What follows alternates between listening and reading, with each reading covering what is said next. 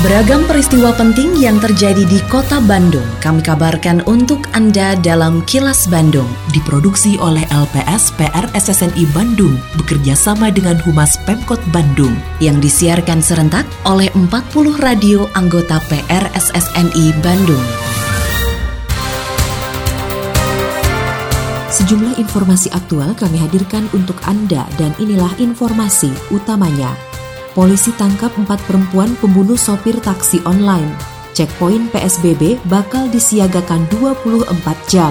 Terdampak COVID-19, pendapatan kota Bandung triwulan kedua menurun. Saya, Santika Sari Sumantri, inilah kilas Bandung selengkapnya.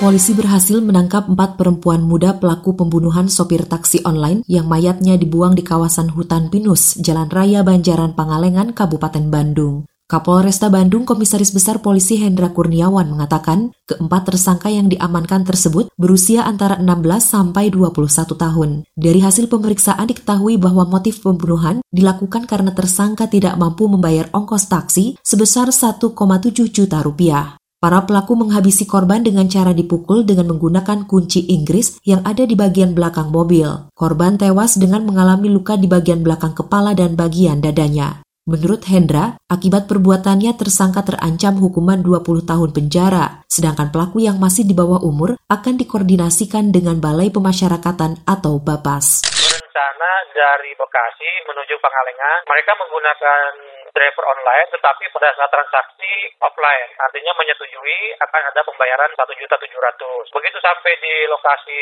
titik akhir ternyata mereka tidak punya uang. Akhirnya saudari I bersepakat dengan saudara R untuk menghabisi dengan cara dipukul menggunakan kunci Inggris yang ada di mobil tersebut sehingga akhirnya meninggal. Kemudian mereka membawa mobil tersebut ke arah Jakarta kembali. Namun di tengah jalan di Cikalong Wetan mereka mengalami kecelakaan Forum Komunikasi Umat Beragama FKUB Kota Bandung mendukung pelaksanaan pembatasan sosial berskala besar PSBB di Kota Bandung. Hal ini terlihat dengan ditiadakannya sementara waktu kegiatan peribadatan di sejumlah tempat ibadah seperti gereja, pura, vihara, kelenteng, juga masjid. Ketua FKUB Kota Bandung Ahmad Suherman mengatakan, sejak mendapatkan surat edaran mengenai kebijakan pemerintah Kota Bandung menerapkan PSBB, semua agama yang ada di FKUB telah melakukan pertemuan mengenai hal tersebut. Menurutnya FKUB Kota Bandung juga mengajak seluruh warga Bandung untuk mendukung pelaksanaan PSBB dengan keikhlasan dan disiplin agar pandemi COVID-19 dapat segera tuntas. KUB Kota Bandung terdiri dari enam agama ya Islam, Hindu, Konghucu, Buddha, Protestan dan dari sejak awal kita sudah menghimbau supaya mentaati keputusan pemerintah tentang penanganan COVID-19 ini.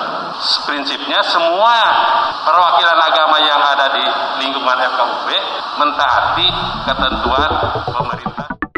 Meski sudah diterapkan pembatasan sosial berskala besar atau PSBB, kasus positif virus corona atau COVID-19 di kota Bandung masih menunjukkan tren peningkatan. Untuk itu pelaksanaan PSBB di kota Bandung akan lebih diperketat, antara lain dengan mengoperasikan checkpoint selama 24 jam. Ketua Harian Gugus Tugas Percepatan Penanganan COVID-19 Kota Bandung, Emma Sumarna, mengatakan waktu operasional checkpoint PSBB di Kota Bandung selama ini hanya beroperasi dari pukul 6 pagi sampai pukul 8 malam. Namun jika dibutuhkan, waktu operasional checkpoint bisa ditambah menjadi 24 jam untuk mengantisipasi pergerakan warga dari malam hingga dini hari. Meski begitu, Emma berharap kepatuhan dan kedisiplinan warga tetap menjadi kunci keberhasilan PSBB untuk menekan jumlah kasus COVID-19 di kota Bandung. Bagaimana kita mensikapi orang yang datang sebelum jam 6? Petugas kan belum ada. Bagaimana mereka yang datang lepas jam 8 masuk ke kota Bandung? Karena mereka tahu petugas tidak ada.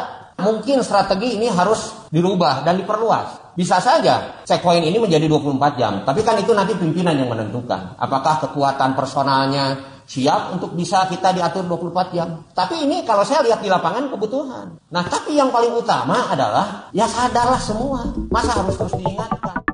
Terjadinya pandemi virus corona atau COVID-19 menyebabkan pendapatan kota Bandung dari sektor pajak di triwulan kedua tahun 2020 menurun drastis. Kepala Badan Pengelolaan Pendapatan Daerah BPPD Kota Bandung Arif Prastia mengatakan, akibat pandemi COVID-19 banyak sektor yang menjadi sumber pajak menjadi terdampak sehingga tidak beroperasi secara optimal bahkan menutup usahanya. Menurut Arif, pendapatan triwulan 2 yang ditargetkan sebesar 340 miliar rupiah baru tercapai sekitar 54 miliar rupiah. Oleh karena itu BPP di Kota Bandung berupaya meningkatkan pendapatan dari sektor lain, di antaranya dari PBB, BPHTB, dan listrik. Target kita itu di triwulan 2 itu 340-an lah gitu ya. Hari Jumat terakhir saya lihat itu baru mencapai 54 miliar gitu. Jadi terjadi penurunan tajam karena apa? Ya karena kan hotel udah udah nggak bisa pakai mereka. Lalu resto take away saja. Masih ada dia kehidupan tapi take away. Untuk resto yang lain udah Nah ini yang mempengaruhi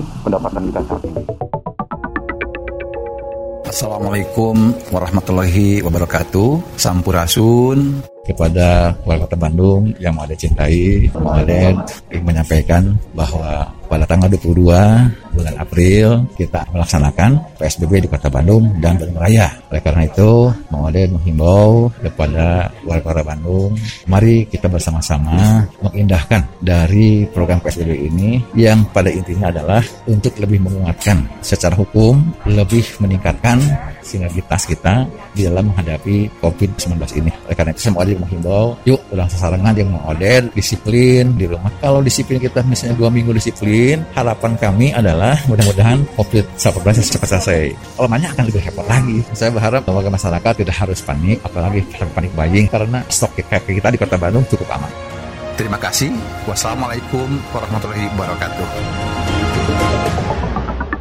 Otoritas Jasa Keuangan atau OJK selalu memantau pelaksanaan kebijakan keringanan pembayaran sebagai dampak pandemi virus corona atau COVID-19 bagi lembaga jasa keuangan khususnya perusahaan pembiayaan. Menurut Kepala OJK Kantor Regional 2 Jawa Barat, Triana Gunawan, berdasarkan hasil laporan dari Asosiasi Perusahaan Pembiayaan Indonesia Jawa Barat, masih banyak nasabah yang mengajukan keringanan pembayaran atau restrukturisasi kredit dengan datang langsung ke kantor. Triana mengimbau kepada nasabah untuk mendaftarkan secara online karena jika datang langsung akan melanggar pembatasan sosial berskala besar atau PSBB. Kita sudah himbau apabila nasabah ingin mengajukan keringanan, ini bisa melalui website, email, WA dan yang terkait dengan uh, digital. Dengan datang langsung ke perusahaan ini, ini akan membuat satu tidak dipatuhinya peraturan pemerintah terkait PSBB. Yang kedua, membuat khawatir petugas eh, perusahaan pembiayaan itu sendiri. Karena dengan begitu banyaknya orang datang, kemudian mereka tidak bisa langsung bekerja dengan sempurna karena ada kekhawatiran dari mereka terkena penyakit ini. Kini, audio podcast siaran Kilas Bandung dan berbagai informasi menarik lainnya bisa Anda akses di laman kilasbandungnews.com.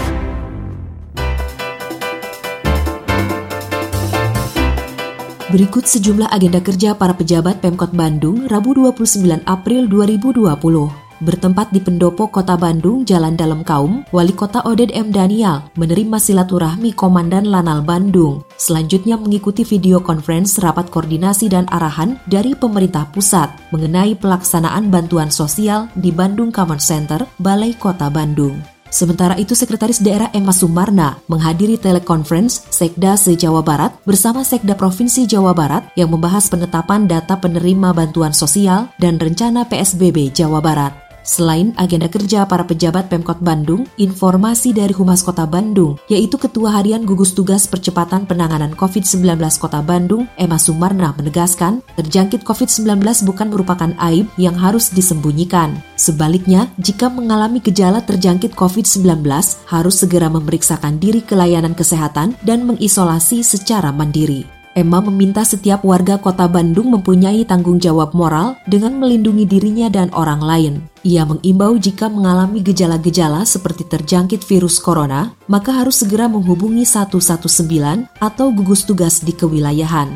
Demikian sejumlah agenda kerja para pejabat Pemkot Bandung dan info aktual yang diterima redaksi LPS PRSSNI Bandung dari Humas Pemkot Bandung.